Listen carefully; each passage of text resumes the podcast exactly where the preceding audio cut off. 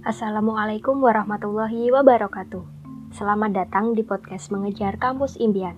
Podcast yang akan membawa kamu melihat lebih dalam perjuangan masuk kampus impian dan bagaimana cara bertahan di dalamnya.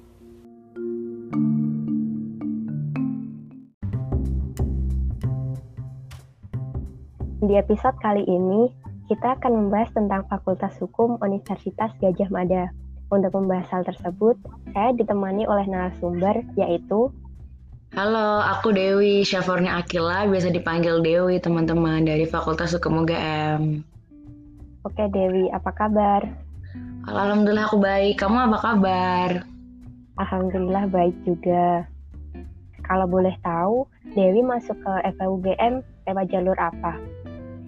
Oh, kalau aku dulu masuknya dari SBMPTN. Jadi dulu aku TBK dulu, baru SBMPTN karena aku masuknya 2019.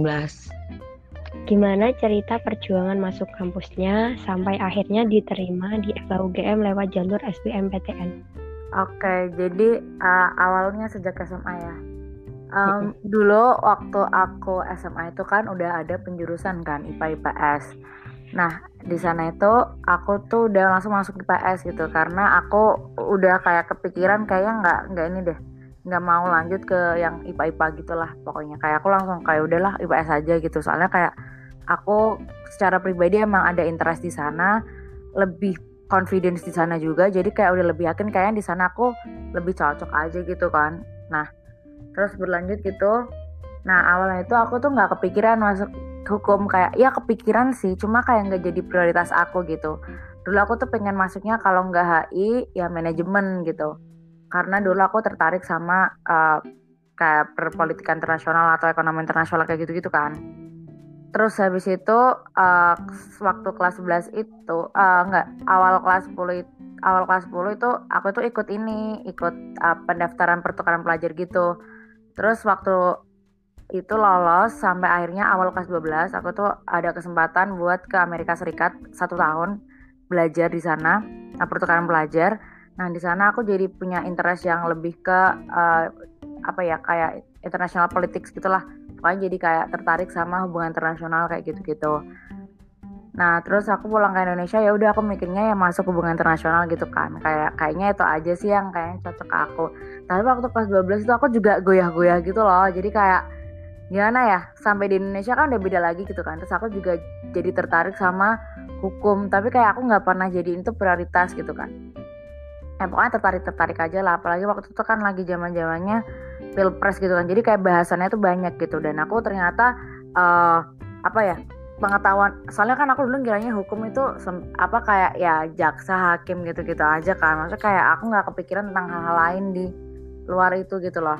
Nah waktu aku kayak browse browsing browsing dan belajar lagi tentang eh jurusan hukum itu apa sih? kayak gitu gitu aku nemu ternyata kayak oh hukum itu nggak nggak sesuai dengan aku pikirin gitu loh. Nggak. Soalnya aku kira kan kayak dia belajarnya kayak undang-undang masa-masa gitu juga. Aku dulu mikirnya juga aku termasuk salah satu orang yang berpikir gitu juga. Sampai akhirnya aku terus belajar sendiri aku cari-cari sendiri terkait uh, jurusan itu. Terus kayak aku surfing surfing lagi oh ternyata kayaknya oke okay juga nih gitu. Tapi aku masih masih kepikiran HI du HI gitu loh waktu itu. Terus akhirnya waktu SNMPTN aku kayak lulus lah uh, SNMPTN kan kayak jalur undangan gitu ya. Yaudah aku coba aja HI dulu di UGM terus yang keduanya aku taruh hukum UGM itu. Nah kayaknya tuh emang namanya rezeki nggak ke mana kan. Terus kayak oh kak aku ditolak tuh SNMPTN soalnya aku harus ikut UTBK gitu kan Nah UTBK ini aku bener-bener uh, dari UTBK aku tuh bener-bener ngeriset semua uh, semuanya dari nol. Jadi kayak aku mulai lagi dari nol kayak aku lebih apa ya lebih meluangkan waktu untuk diri aku sendiri untuk lebih kenal diri aku sendiri. Aku tuh sebenarnya pengennya apa sih? Ke depannya tuh pengen jadi kayak gimana sih? Tujuan aku ke depannya tuh pengen jadi kayak apa sih? Jadi aku kayak bener-bener uh, merefleksikan lagi tanya-tanya ke diri aku sendiri cari-cari jawaban.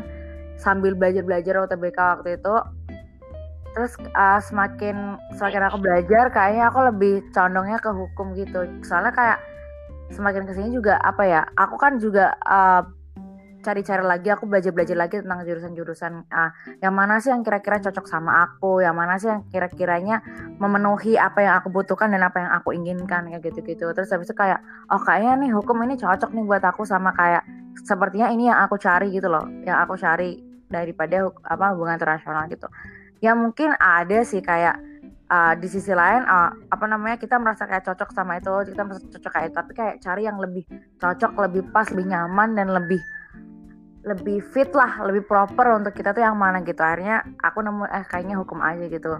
Terus habis itu uh, SBM aku udah milih hukum semuanya. Jadi aku udah kayak uh, setelah aku nemu aku fix aku mau hukum uh, akhirnya aku udah kayak ya udah deh di mana aja yang penting aku hukum kayak gitu. Akhirnya aku kayak aku daftar SBM itu jurusan satu uh, jurusan pilihan pertamanya hukum UGM keduanya hukum undip.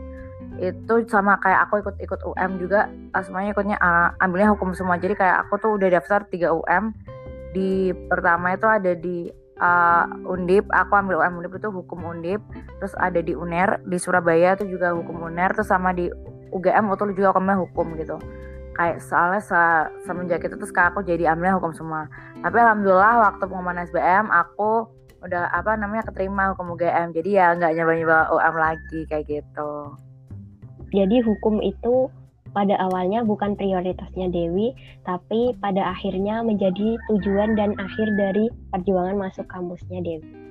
Iya, hmm. betul banget. Dari situ ada nggak Dewi cerita pas udah keterima di Fakultas Hukum Universitas Gajah Mada gitu? Uh, ada nggak pengalaman yang paling berkesan menurut kamu ketika ada di situ?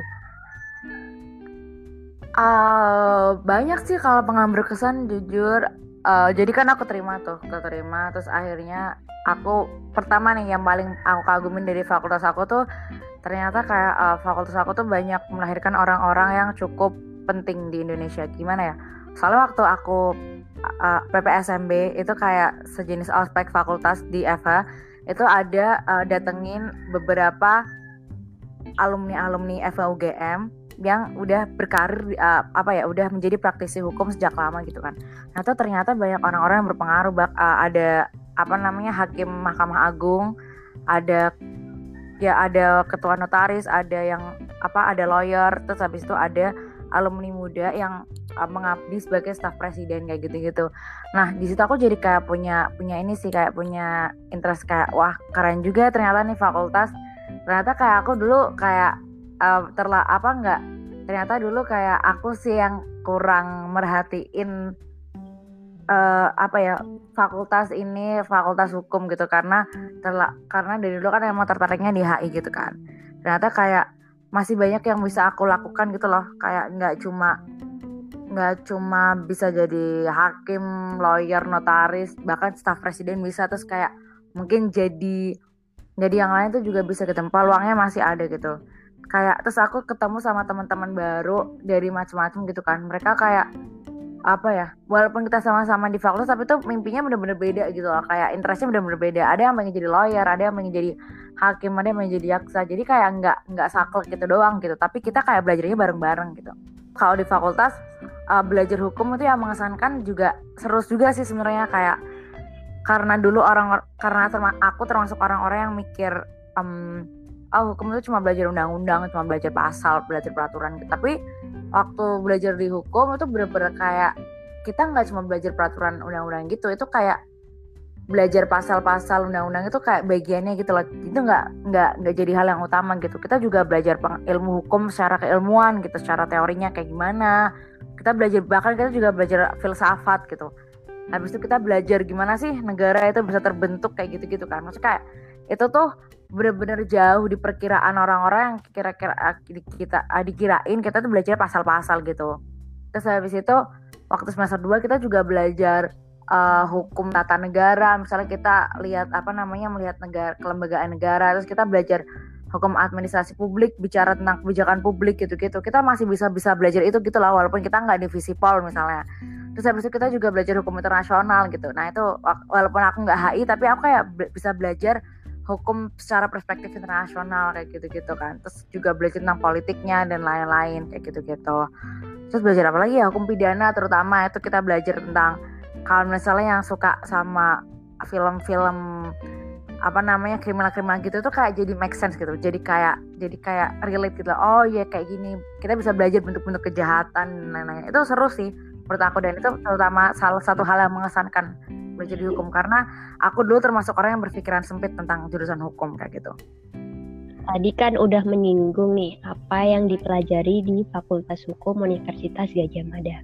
Hmm, kalau dari yang dipelajarinya seperti itu, tipe belajar anak hukum itu seperti apa deh menurutmu? Uh, beragam banget sih sebenarnya belajarnya itu. Karena kita tuh ber, satu angkatan aja 400 anak gitu kan. Otomatis kayak dosennya aja udah beda-beda gitu loh. Satu matkul itu bisa aja tujuh dosen yang ngulang. Terus habis itu ada ada tujuh kelas lah. Paling banyak sih tujuh kelas sih. Seingat aku seingat tujuh kelas apa enam kelas gitu loh. Jadi tuh bener-bener bakal beda-beda banget gitu. Ada yang dosen yang emang kayak memberikan materi gitu. Ada yang uh, ngajak diskusi. Ada yang kita baca-baca jurnal terus habis itu belajarnya kita dari baca-baca jurnal itu bikin paper dan lain-lain. Tapi most apa namanya kayak seringnya itu ya kayak kita diberi materi terus habis itu kita ada tugas habis itu kita diskusi sama teman-teman kayak oh ini um, kayak kita berusaha untuk memecahkan masalah gitu. Tapi kalau di hukum itu yang paling penting adalah kita tuh rajin baca kayak ya udah banyak banyakin aja baca banyak banyakin ilmu pengetahuan sama keep update sama berita hukum terbaru kayak gitu. Soalnya kayak hukum ini kan uh, harus mengikuti perkembangan masyarakat ya. Masyarakat itu selalu berkembang gitu. Jadi mau nggak mau kita harus ngikuti uh, berita up to date yang terbaru gitu. Misalnya apa nih yang terbaru? Misalnya RUU PKS yang apa dicabut dari apa namanya sempat sempat apa masih jadi pro kontra sih sama ini gara-gara di apa namanya terancam dihilangkan dari prolegnas bahkan kayaknya udah udah nggak ada di prolegnas gitu kan. Terus habis apa bukan nggak ada di prolegnas tapi pembahasannya ditunda sama DPR karena dibilang sulit. Nah, kayak gitu. Terus misalnya apalagi nih oh, RUU RUU Cipta Kerja kayak gitu gitu kan. Nah nanti kayak pasti di uh, ada ada aja teman-teman yang di yang di Eva itu pasti ngajakin diskusi tentang kayak gitu-gitu gitu. Dan kayak ya mostly kita juga diskusi juga sih sebenarnya karena kayak hal-hal uh, yang kita pelajari itu hal-hal yang ada di masyarakat gitu. Dan masyarakat ini kan selalu berkembang terus-terusan. Jadi kayak mau nggak mau kita harus diskusi kita harus brainstorming. Kayak gini tuh bagusnya kayak gimana sih? Cocoknya kayak gimana sih? Kayak gitu-gitu. Jadi ini uh, aku juga uh, ini ya jelasin tentang pembagian konsentrasi di FUGM jadi itu konsentrasi itu kayak apa sih? Konsentrasi itu kayak matkul yang udah pengen kita minati gitu. Matkul yang pengen kita ambil untuk jadi spesialis bidang kita gitu um, misalnya kalau di FOGM itu ada 11 gitu ada pidana perdata internasional dagang uh, hukum tata negara hukum administrasi negara pajak lingkungan agraria adat sama Islam gitu nah nanti kita tuh bakal pilih konsentrasinya tuh di semester 5 gitu. Nah, di semester 5 ini kita juga ada mata kuliah praktik. Nah, kalau anak-anak misalnya nih misalnya mereka praktiknya ngapain sih? Mereka praktiknya kan di lab gitu ya misalnya. Kalau kita enggak, kalau kita praktiknya tuh praktik sidang teman-teman. Jadi kayak kita bener-bener latihan sidang, ada yang jadi hakim, ada yang jadi jaksa, ada yang jadi tersangka, ada yang jadi pengacara, ada yang jadi panitera, kayak gitu-gitu. Nah, nanti itu kita bakal melakukan pemberkasan, pemberkasan yang kayak mencari alat bukti, melakukan penyelidikan, melakukan penyidikan, melakukan penuntutan, kayak gitu-gitu. Jadi kayak beneran kayak sidang. Jadi biar tahu nih anak-anak hukum, sidang itu sebenarnya kayak gimana sih? Jadi hakim itu perannya sepenting apa sih? Jadi jaksa tuh harus ngapain sih? Harus pinter apa sih? Harus apa sih yang perlu dihati-hati ketika jadi jaksa? Ketika pengacara membela yang baik, membela uh, klien terbaiknya tuh kayak gimana sih kayak gitu jadi serunya tuh itu. Jadi kita juga belajar tentang sidang. Jadi ntar kalau kita jadi praktisi kita udah uh, udah tau lah kira-kira sidang itu kayak gimana gitu. Sekarang kita bicara soal UKT dan beasiswa. Hmm, UKT sama beasiswa di FHUGM itu menurutku kayak gimana Wi? Oke, jadi kalau di UGM ini UKT itu uang kuliah tunggal yang dibayarkan oleh mahasiswa berdasarkan golongannya. Nah, golongan ini dapatnya gimana? Golongannya ini berdasarkan uh, penghasilan orang tua. Jadi ada golongan 1 sampai 8. Nah, satu itu paling rendah, 8 itu paling tinggi. Jadi kayak nanti tuh waktu kita registrasi, pertama kali masuk kita jadi maba, kita registrasi ngasih slip gaji orang tua, uh, slip apalagi ya pajak, PBB kalau nggak salah seingat aku. Terus ada SPT rekening air rekening listrik kayak gitu-gitu. Masukin nah nanti di situ dilihat kira-kira nih uh, si mahasiswa ini mampunya bayar UKT itu di range yang mana gitu. Kalau misalnya kita mampunya di range 5 ya nanti uh, dilihat dari penghasilan orang tua dan lain kita mampu di range 5 kita ditaruh di range 5 dan itu bakal berbeda dengan setiap teman-teman kalian gitu. Teman-teman kalian nggak semuanya dapat range 5 uh, ada yang dapat range 1, range 2, range 3 terus habis itu range 4 uh, bahkan range 8 gitu Nah terus habis itu kalau beasiswa di UGM ini macam-macam. Kalau di FS setahu aku ada beberapa teman aku yang dapat bidik misi di mana mereka nggak baru KT sama sekali. Tapi juga ada persyaratannya sih kayak harus punya KIP, terus harus punya harus bikin apa, harus ngurus berkas-berkas tersendiri juga kayak gitu-gitu. Ada tips nggak sih buat menentukan bagaimana cara memilih kampus? Apakah berdasarkan jurusan atau kampusnya terlebih dahulu? Um, Oke, okay, kalau ini mungkin subjektif ya. Kalau dari aku untuk menentukan mau kampus dulu atau jurusan dulu, yang penting teman-teman tuh harus tahu teman-teman itu maunya apa dulu lah. Ditanya dulu uh, sebagai seorang pribadi, kamu ke depannya tuh mau jadi yang jadi orang kayak apa gitu. Nah, kalau aku pribadi, aku tuh lebih pentingnya jurusan gitu karena menurut aku um, kayaknya lebih lebih baik untuk kita di dalam suatu uh, apa ya untuk mengenal untuk ahli dalam suatu bidang gitu kan.